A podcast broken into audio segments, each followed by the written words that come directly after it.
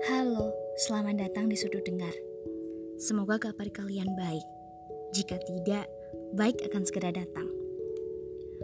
Pura-pura sangat akrab di telinga manusia. Ketika mendengar kata pura-pura, kita semua berpikir bahwa itu adalah keahlianku. Menjadi sesuatu yang kita ingin lihat atau orang lain lihat. Pikiran yang melalang buana menarik kita ke dunia yang luas, yang belum kita jangkau, atau dalam proses memahaminya. Hal yang berlebihan membuat kita terbebani, seolah-olah semua datang di waktu yang sama. Kekhawatirannya seperti api, dan pikiran kita terbakar olehnya, membara tanpa diketahui oleh lainnya. Asap ketakutan menyebar ke penjuru tubuh. Tak sadar, jarum pendek menunjuk pukul tiga. Tubuh yang kosong memaksa diri untuk terlelap. Terbangun dengan isi kepala hangus. Papan petunjuk jalan yang tidak terbaca karena hitam oleh abu.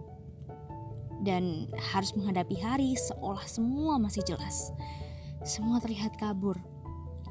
Seperti orang tanpa kacamatanya berpura-pura menjadi aksi jitu, menyibukkan diri menjadi kegiatan tambahan, menghindari waktu kosong, dan banyak hal lainnya.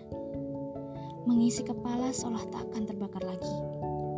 Nyatanya, sisa api membakarnya perlahan.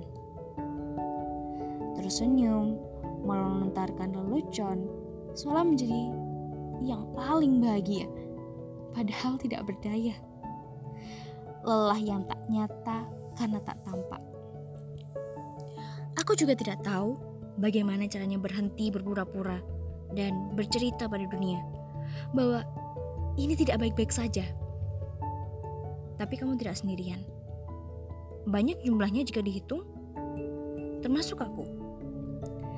Tidak ada kunci yang sama untuk pintu yang berbeda. Jadi pilih kuncimu dengan seksama jika salah mengunci, itu akan menyakitkan. Tidak membuka pintu juga hal yang salah. Selamat mencari. Sampai jumpa di episode berikutnya.